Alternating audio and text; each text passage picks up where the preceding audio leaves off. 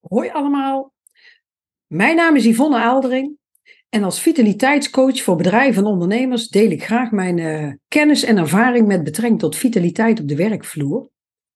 En wil je wat meer van mij weten, kijk ook gerust een keer op mijn website www.ivofit.nl of uh, abonneer je op mijn YouTube of podcastkanaal. Nou, ik probeer altijd een beetje thema's uit mijn dagelijkse praktijk uh, ja, te belichten. En vandaag gaan we het hebben over uh, hoe blijf je nou gemotiveerd als je leefstijlverandering inzet. En wat is nou een succes mindset? Nou, en dit is iets waar ik ja, eigenlijk dagelijks mee te maken heb met, het, hè, met de coaching met mijn cliënten. Dus ik hoop dat ik jullie wat tips kan geven en wat inzichten. Nou, een van de moeilijkste onderdelen hè, van een leefstijlverandering is vaak gemotiveerd blijven. Want als je voor het eerst begint, dan ben je er helemaal klaar voor. Je intenties zijn geweldig, je streeft hoge doelen naar, je bent klaar voor de uitdaging, maar dan gebeurt er iets. Misschien val je niet meer zo snel af als je wil afslanken als toen je begon, na verloop van tijd. Misschien is het proces te intens en kun je het niet volhouden. Zijn de veranderingen misschien wel te groot? Misschien is de nieuwigheid of de opwinding van de eerste paar weken uitgewerkt en uh, heb je je interesse verloren. Dan kunnen natuurlijk allerlei dingen gebeuren waardoor je op een gegeven ogenblik toch ja, wat minder motivatie hebt of waardoor het lastiger wordt. Nou, wat dan allereerst heel belangrijk is, is je drijfveer, je motivatie. Waarom doe je iets? De reden waarom je bijvoorbeeld fitter wil worden, wil afslanken. Hè? Ga dan nog eens een keer opnieuw naar kijken en vraag je weer eens af waarom dat je iets doet. En iedereen is anders. Er is ook geen goede of slechte reden. Maar neem even de tijd om jezelf eraan te herinneren waarom jij hè, hiermee begonnen bent en waarom je wil veranderen. Nou, dan heb ik verder natuurlijk nog wel wat tips om die motivatie terug te krijgen. Nou, tip 1 is leer van je fouten. er zijn allerlei wegversperringen, tegenslagen, die krijgt iedereen. ik zeg altijd, het leven gaat op en neer, want als het een rechte lijn is, dan lig je in de kist. En uh, iedereen heeft wel eens dat dingen minder lekker gaan. Je hebt wel eens een, uh, een dag dat het niet lekker loopt. Maar zorg ervoor dat jouw plannen niet ontsporen. dat is de kunst, om toch jouw doel en je focus voor ogen te houden. En veel van de gewoontes die je probeert te veranderen, die heb je natuurlijk al heel lang. En we weten allemaal, ons brein houdt eigenlijk helemaal niet van veranderen. Ons brein wil het liefst gewoon hetzelfde kunstje iedere dag weer opnieuw blijven doen. En uh, als jij wil gaan veranderen, dan zal in het begin het brein ook wel wat tegenwerken en jou proberen gewoon weer die oude gewoontes op te laten pakken. Dus probeer er maar eens achter te komen waarom dat het misgaat. Hè? En wat je dan kan doen is, je kan bijvoorbeeld ook uh, een plan maken om te voorkomen dat het weer misgaat. Dus als jij weet van nou, ik, uh, ik ga vaak uh, voor de bel in het weekend. En dan ga ik allerlei lekkere dingen eten, want dan vind ik dat ik dat verdiend heb, want dan heb ik vrij. Ga dan eens kijken wat je kan nemen wat wel verantwoord of gezond is, in plaats van die dingen. Of spreek met jezelf bijvoorbeeld af dat je jezelf iets toestaat. Dat je zegt, nou, ik mag in het weekend een keer één wijntje. Hè? Of ik uh, doe op zondagochtend een keer een lekker broodje. En uh, laat het daarbij en probeer de rest van de dag gewoon zo gezond mogelijk te eten. En soms helpt het om je dus al voor te bereiden op ja, je valkuilen. Ja, wat verder nog een tip is, gebruik een app. En waar kan ik dan aan denken? Nou, heel veel mensen, heel veel klanten van mij, die moeten bijhouden wat ze eten in een, uh, de Eetmeter app of de Yazio app of de MyFitnessPal app. Want als jij namelijk gaat bijhouden wat je eet, dan krijg je allereerst inzichten. Je ziet ook of dat je te veel, te weinig eet, of dat je misschien wel te veel koolhydraten eet. Hè, of um, hè, dat je niet in de goede verhoudingen zit tussen vetten, eiwitten en koolhydraten. En um, ik zie dat mensen dat een tijdje bijhouden, maar het kan zijn dat je op een gegeven ogenblik daarmee stopt. En um, ja, dan zie je dat ze daardoor bijvoorbeeld, hè, dat iemand weer grotere porties gaat nemen, of dat hij weer meer gaat eten als hij gestrest of moe is, of misschien wel dat hij te veel vloeibare calorieën neemt, dus drankjes waar ook echt uh, calorieën in zitten. Kijk, en het kost echt tijd om oude gewoontes te vervangen door nieuwe, maar door dingen bij te houden, door bij te houden wat je eet, hoe actief je bent, hoe je je voelt, wat voor resultaten je boekt. Je kan door te meten, meten is weten.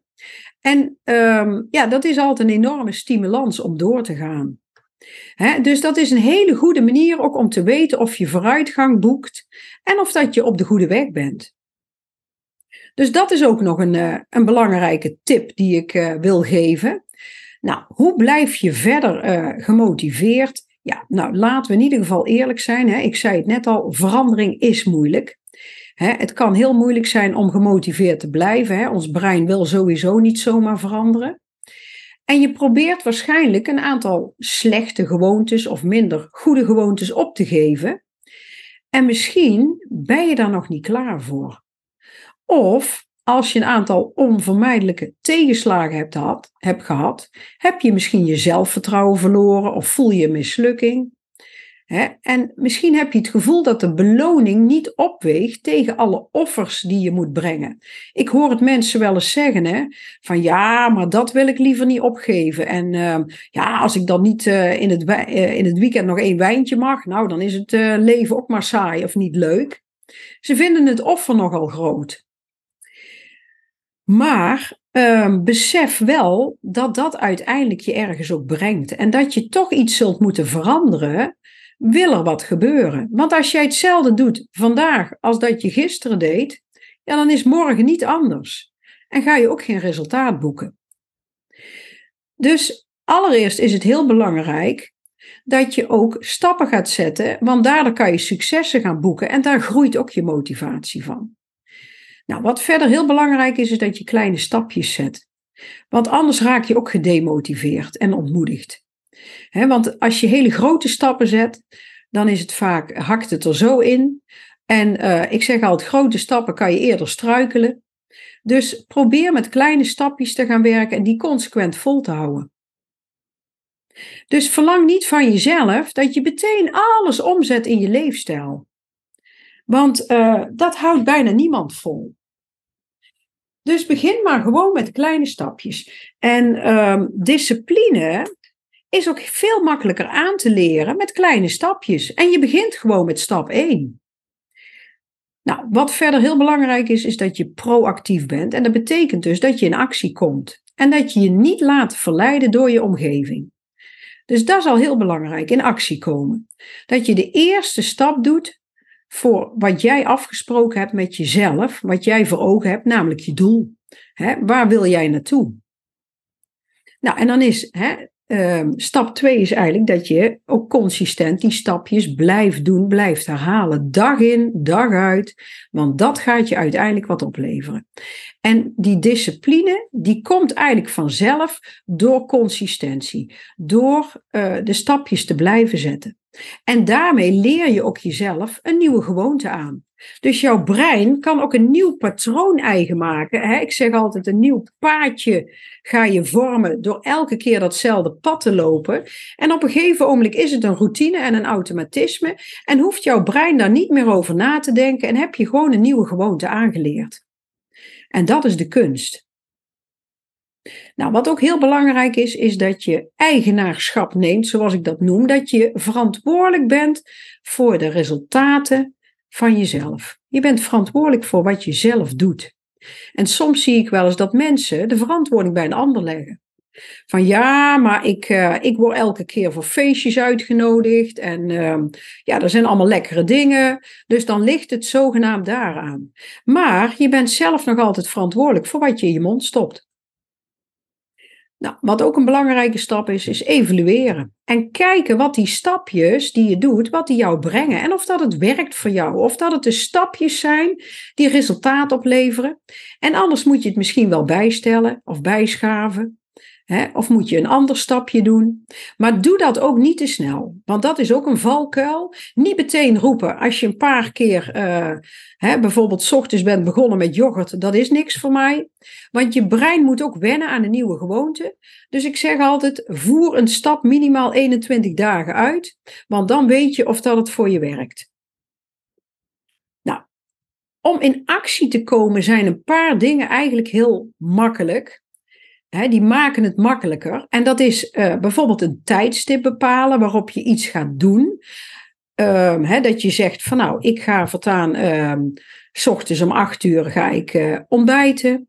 Ik neem tussen twaalf en één mijn lunch. En s'avonds tussen vijf en zes neem ik mijn warme maaltijd.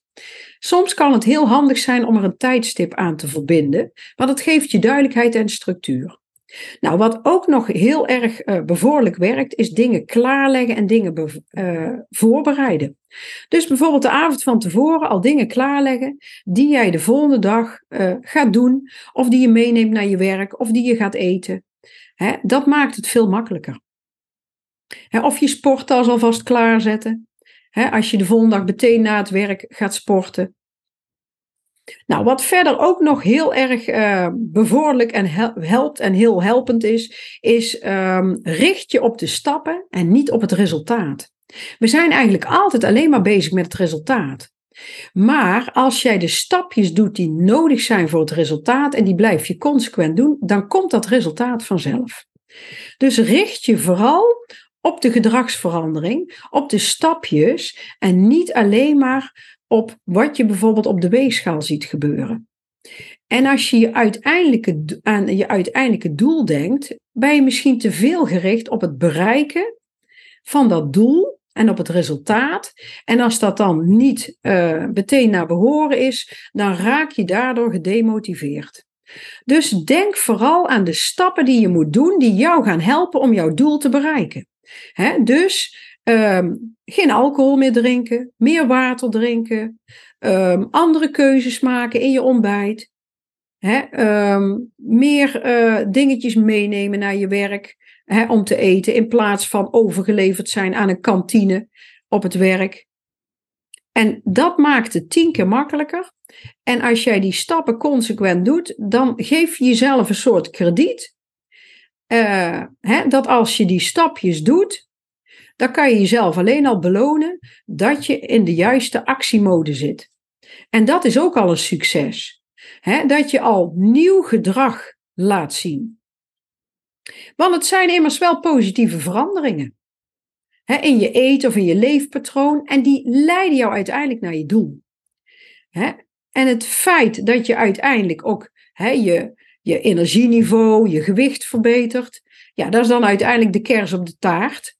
Maar uh, zie het al als een succes als je bepaalde gewoontes verandert. Nou, wat verder ook heel helpend kan zijn, is beloon kleine prestaties. Veel mensen maken plannen voor zichzelf om op een bepaalde manier te belonen als ze hun doelen hebben bereikt. Dat is natuurlijk geweldig, maar je hoeft niet te wachten tot je uiteindelijk je doel hebt bereikt om jezelf te belonen. Je kan ook uh, manieren verzinnen om jezelf te belonen als je al een kwart van je doel hebt bereikt of je bent halverwege. Dus zoek ook manieren om mini-prestaties te belonen. als je bijvoorbeeld met jezelf hebt afgesproken, ik ga voortaan iedere dag acht glazen water drinken. of ik ga iedere week ga ik een dag sporten. Of ik ga voortaan vaker thuis koken. Ga dat ook belonen. en uh, niet alleen um, de resultaten. Het is ook eigenlijk helemaal geen wonder hè, dat er veel mensen het moeilijk vinden om, om zich aan hun plannen te houden. Want um, ze krijgen vaak ook allerlei uitdagingen op hun pad. Er is externe druk, interne druk. En um, wanneer die druk nou van buitenaf komt, die externe druk, dus vanuit de omgeving, ja, dan kun je een beroep doen op je innerlijke kracht om terug te slaan. net als bij iedere krachttraining bouw je langzaam de kracht op om je voedingskeuzes in eigen hand te nemen hè, en om je aan je plan te houden, hè, je voedingsplan. Want dat brengt jou uiteindelijk naar succes. Maar we zien natuurlijk dat er best wel wat sociale druk kan zijn hè, en, en situaties die het lastig maken. En um, Hè, waardoor je misschien wat meer gaat eten. Als je bijvoorbeeld met een groep uit eten gaat, dan is er druk om met die stroom mee te gaan en te eten zoals iedereen doet. Ook al past dat niet in jouw persoonlijke voedingsplan. Met vrienden iets gaan drinken, dat betekent niet alleen de druk om te drinken, maar ook om calorierijk bar voedsel te eten. Nou, en soms kan die druk best heel groot zijn. En dan is het belangrijk dat je misschien ook wel met je omgeving deelt dat jij het anders wil doen. En dat is voor sommige mensen best heel lastig. Want je kan echt wel in een uh, sociale situatie terechtkomen die voor jou echt gewoon heel lastig is. En neem dan ook even de tijd om jezelf eraan te herinneren dat jij de baas bent over wat er in jouw lichaam terechtkomt. en denk erover na wat jouw eetplan is en beslis eventueel van tevoren wat je jezelf wel of niet toestaat en hoe je met zo'n situatie omgaat. En ehm, soms helpt het al om bijvoorbeeld als eerste te bestellen, uh, niet te wachten wat anderen bestellen, dat je daarin meegaat. En soms helpt het om voor jezelf een soort drank- en snacklimiet uh, ja, toe te passen en te zeggen, nou, dat neem ik wel. Ik neem één, uh, één wijntje of één biertje. En verder drink ik de rest van de avond drink ik uh, spa rood of water.